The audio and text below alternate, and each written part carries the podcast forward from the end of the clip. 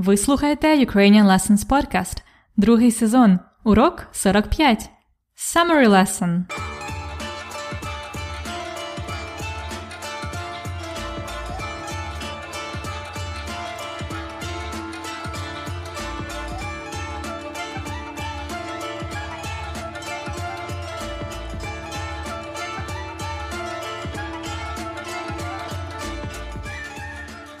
Привіт з Америки! Це Анна, і зараз ваша вчителька української в Сполучених Штатах Америки у місті Філадельфія, штат Пенсильванія. Я буду жити тут наступні 10 місяців. Я отримала стипендію Фулбрайта і буду викладати і вчитися в Пенсильванському університеті.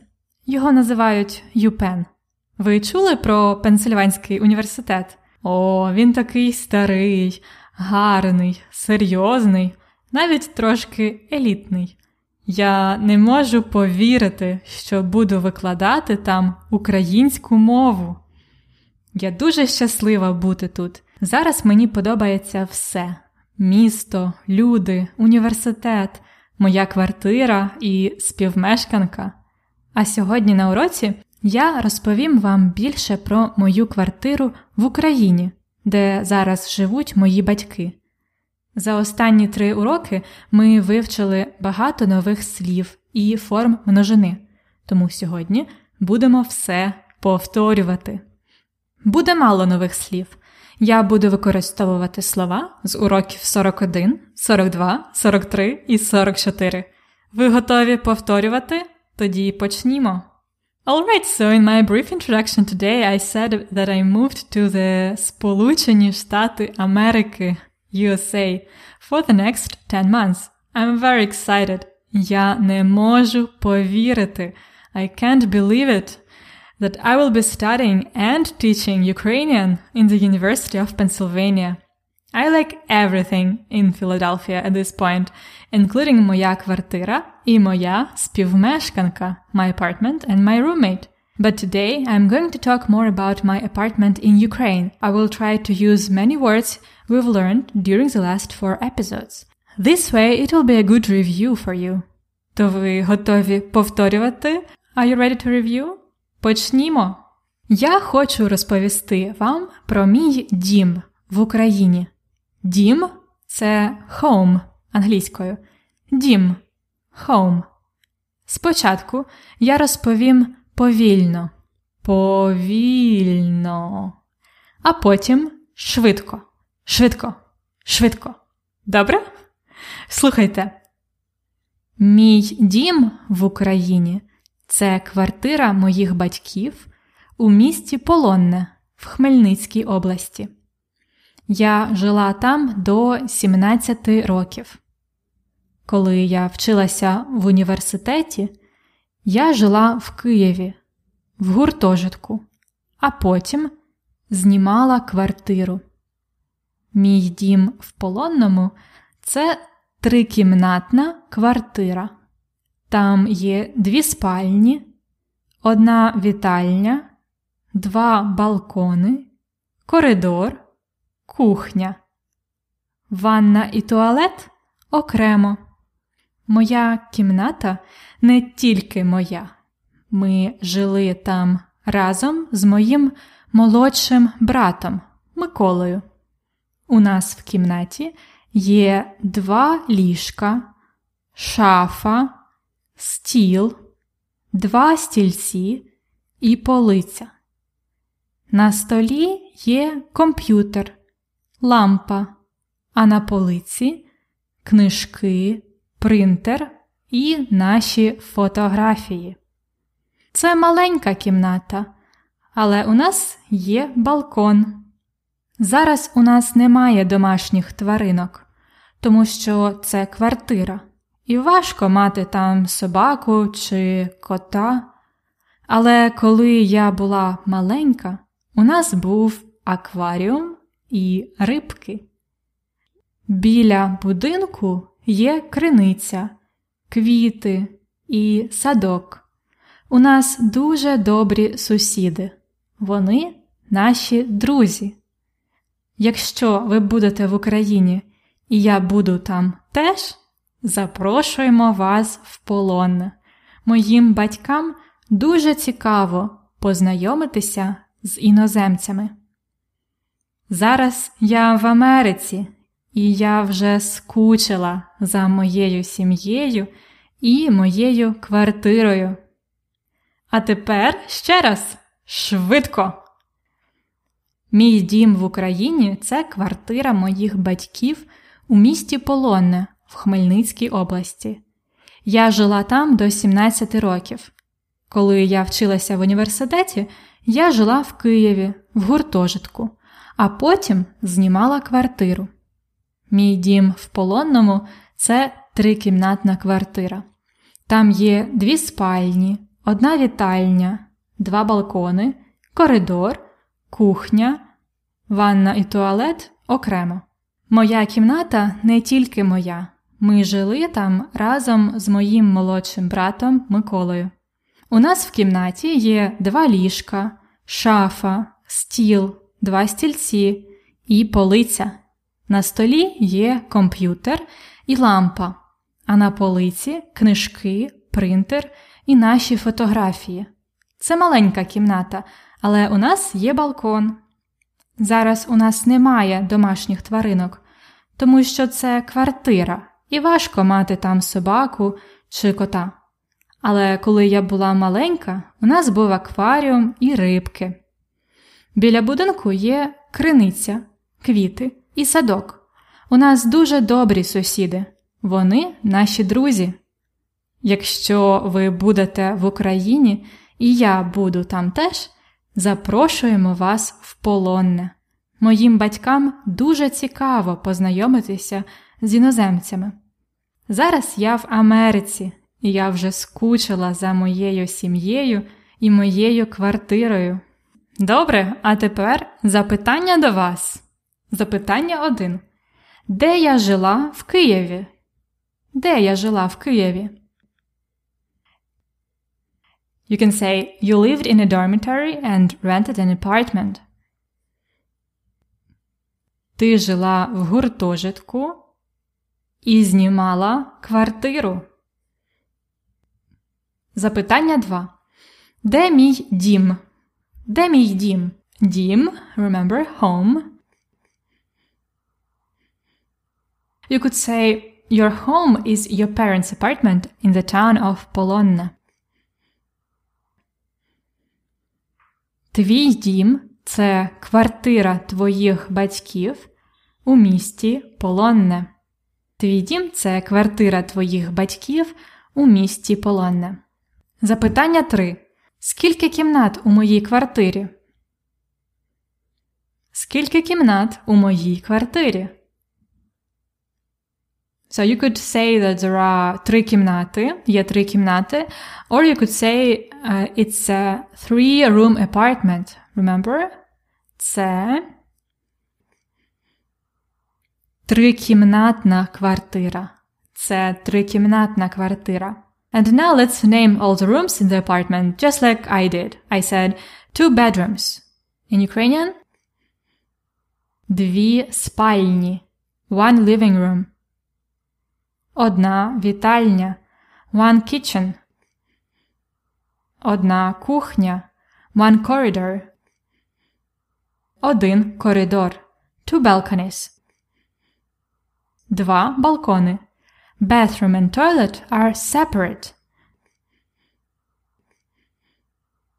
Ванна і туалет окремо. Окремо. So it, it was там є дві спальні, одна вітальня, два балкони, коридор, кухня, ванна і туалет окремо. Добре. Запитання 4. Що є у кімнаті, де жили я і мій брат? So, as I said in the text, uh, in the room, my room was for me and my brother too. So, I use кімната, де жили я і мій брат. Що там є? You could start in your room. There are in your like plural because it's it's for me and for my brother. So у вашій кімнаті є. In your room there are.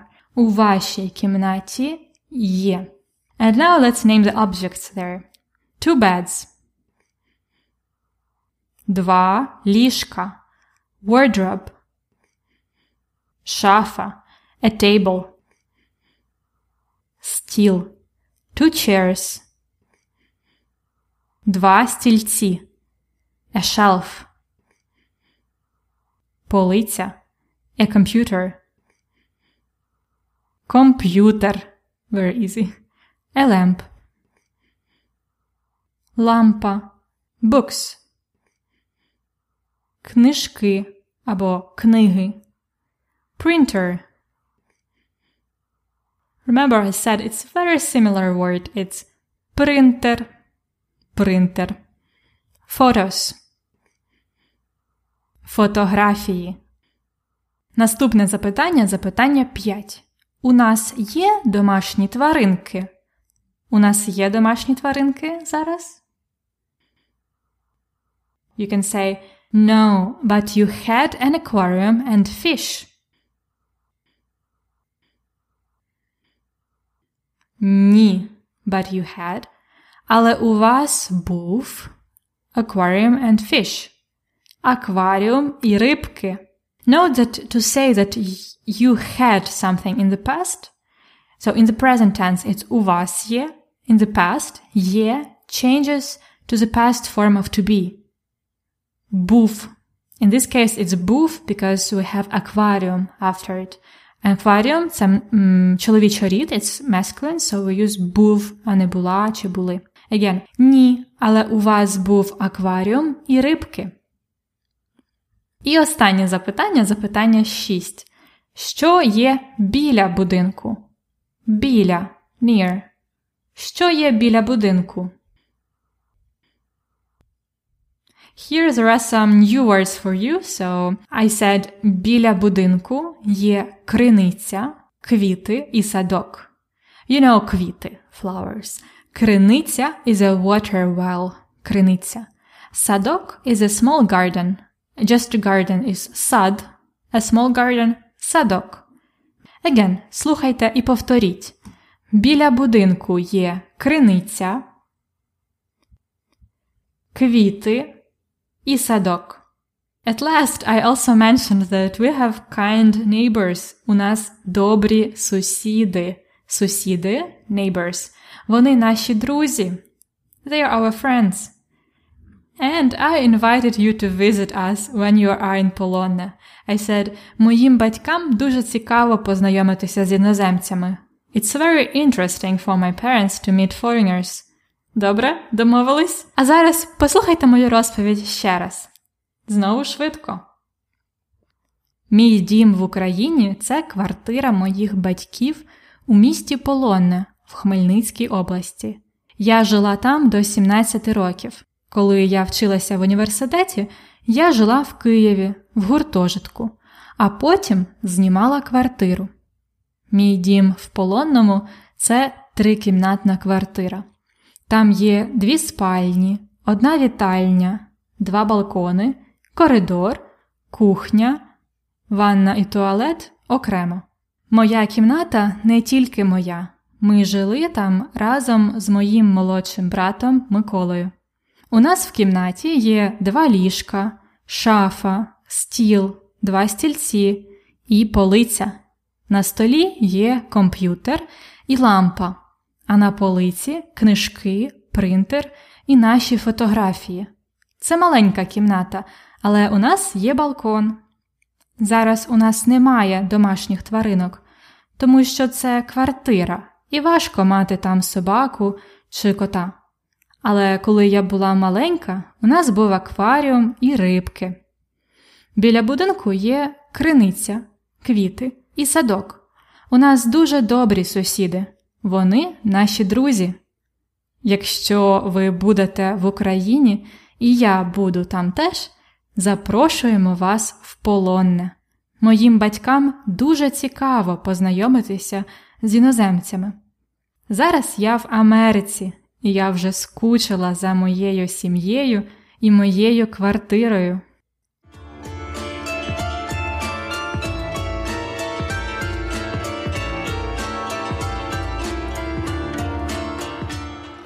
А зараз, and now, let's do a quick vocab drill of some words and phrases from the last episodes. Готові? I say in Ukrainian and you say in English. Один. Вазон. Вазон is a flower pot. Два. Двері. Двері are doors. Три.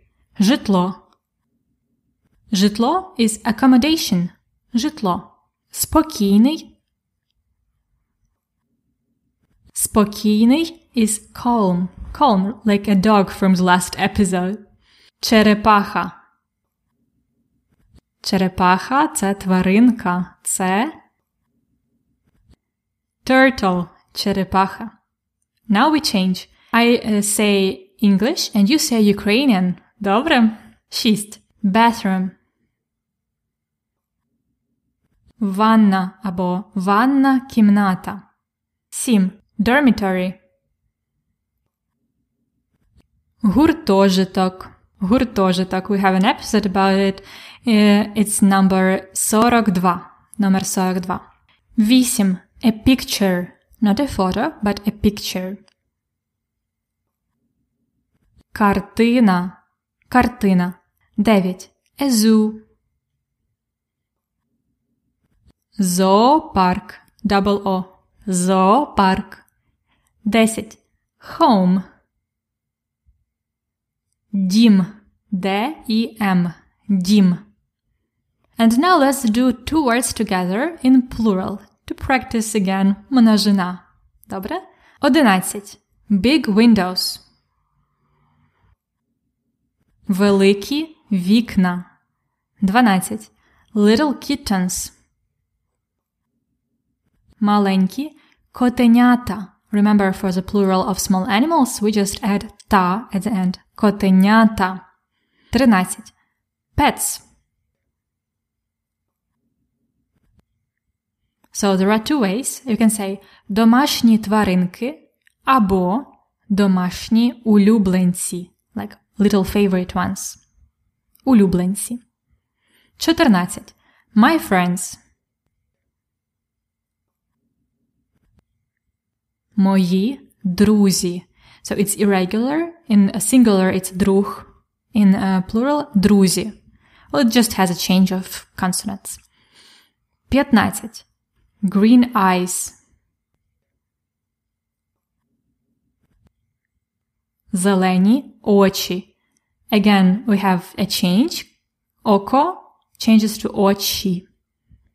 16. New houses. Нові будинки. Будинок, but O drops in the masculine, so we have будинки. 17. New furniture. Нові меблі. 18. These people. Ці люди. Люди. Singular людина. Plural люди. 19. These girls. Ці дівчата. Again, we have an irregular form. Дівчина is singular, дівчата plural. And the last one is most challenging. 20. Calm children.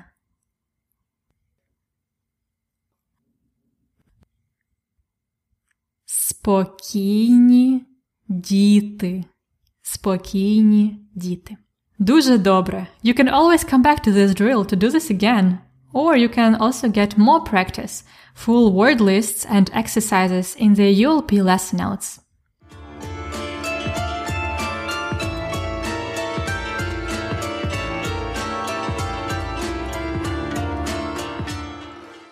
А зараз цікавий факт про Україну. Біля мого будинку є криниця. Криниця. Пам'ятаєте? Do you remember криниця? It's a water well. And it's true that in Ukraine, in most of villages and in some small towns, people still use krenitsa, water well, to get voda, water for drinking. It's true that it's not as convenient as tap water, but I think there are some advantages, aren't there? First, the water is usually very clean, fresh, and cold. Great for summers. Secondly, we don't use any plastic as we don't buy any bottled water, which is good for the environment. And guess what's the third reason? It's a good exercise. If you have a family, you need to get a bucket of water from Krynica almost every day. Sometimes you need to have a nice walk to go to the nearest well, and it also strengthens your muscles. Я думаю, криниця це чудово. А як ви думаєте? What do you think?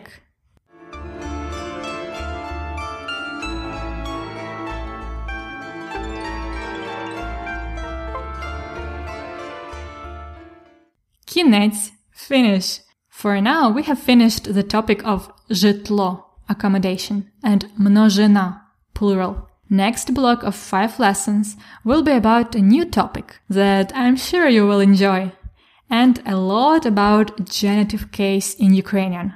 I can't wait to teach you that challenging topic. By the way, have you heard of my ebook, 1000 Most Useful Ukrainian Words? I have selected those most useful Ukrainian words added the authentic example sentences for each of them, and as a plus, I created the digital flashcards with audio and pictures. Check this useful resource out at ukrainianlessons.com slash 1000 words. ukrainianlessons.com slash 1000 words. Also, remember that you can always have a good use of the PDF lesson notes for the podcast episodes with transcripts, word lists, and exercises. Premium members are also a part of a fun discussion group on Facebook where we only speak Ukrainian. To learn more, head over to ukrainianlessons.com slash episode 45. ukrainianlessons.com slash episode 45. Good luck! Успіхів! Бувайте!